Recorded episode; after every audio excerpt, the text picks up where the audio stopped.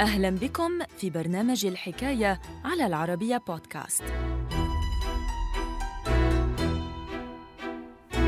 أثناء حصار مدينة غرونينغن الهولندية ما بين التاسع من يوليو والسابع عشر من أغسطس عام 1672 تم استخدام السلاح الكيميائي خالقا حالة من الذعر بين مختلف الأطراف المشاركة بالحرب الفرنسية الهولندية. ولمنع استخدام الأسلحة الكيميائية. أبرمت اتفاقية ستراسبورغ يوم السابع والعشرين من أغسطس عام 1675 تفاصيل الحكاية في مقال للكاتب طه عبد الناصر رمضان بعنوان قبل ثلاثة قرون دولتان وقعتا أول اتفاقية لمنع السلاح الكيميائي. الحكاية.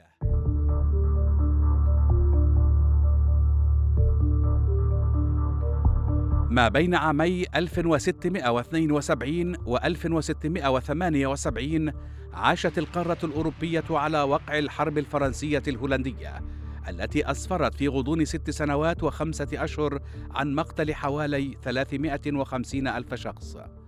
وأثناء هذا النزاع حصلت جمهورية هولندا على دعم من الإمبراطورية الرومانية المقدسة وإسبانيا وبراندبورغ بروسيا.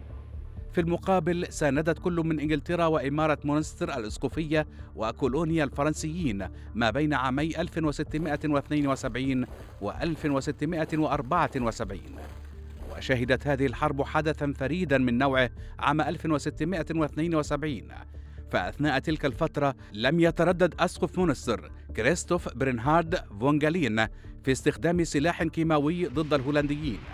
خالقا حالة من الذعر بين مختلف الأطراف المشاركة بالحرب الفرنسية الهولندية. إلى ذلك جاء ذكر اقتراح السلاح الكيماوي منذ القرن السادس عشر، فمن خلال أعماله واقتراحاته المتميزة بالمجال العسكري كتصميم المروحية والمدفع متعدد الطلقات، اقترح العالم الموسوعي الإيطالي ليوناردو دافنشي استخدام قذائف محشوة بالزرنيخ والكبريت لاستهداف قوات العدو وسفنه بعرض البحر. وبعد نحو 150 عاما لم يتردد أسقف منستر كريستوف برنهارد فون غالين في تطبيق ما جاء به ليوناردو دافنشي. وأثناء حصار مدينة غرونينغن الهولندية ما بين التاسع من يوليو والسابع عشر من أغسطس عام 1672 أمر كريستوف برنهارد فونغالين قواته باستخدام المركبات العضوية المشتقة من نبتة البلادونا الملقبة أيضا بالباذنجان المميت لاستهداف القوات الهولندية بغرونينغن ووفق مصادر تلك الفترة تسببت هذه القذائف المليئة بالمواد الكيماوية في حالات من الغثيان والإغماء في صفوف الهولنديين بقيادة كارل فان رابنهاوت وأدت لوفاة عدد من الجنود.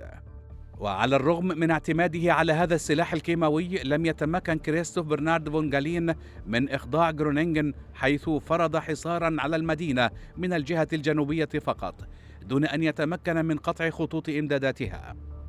وتحت وطأة الهجمات المضادة التي شنها الهولنديون اضطر لرفع الحصار والتراجع بعد أكثر من شهر متخليا بذلك عن طموحاته بالتوسع داخل الأراضي الهولندية. وخلال الأسابيع التالية خسرت إمارة مونستر الإسكوفية العديد من الأراضي التي كانت قد انتزعتها من الهولنديين سابقا.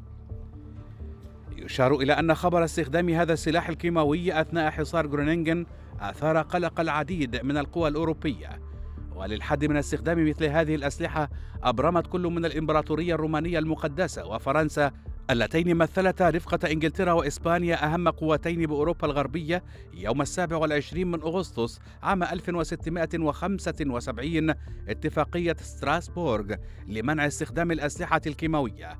ضاربتين بذلك موعدا مع التاريخ حيث مثلت هذه الاتفاقية حينها أول اتفاقية عالمية لمنع استخدام السلاح الكيماوي.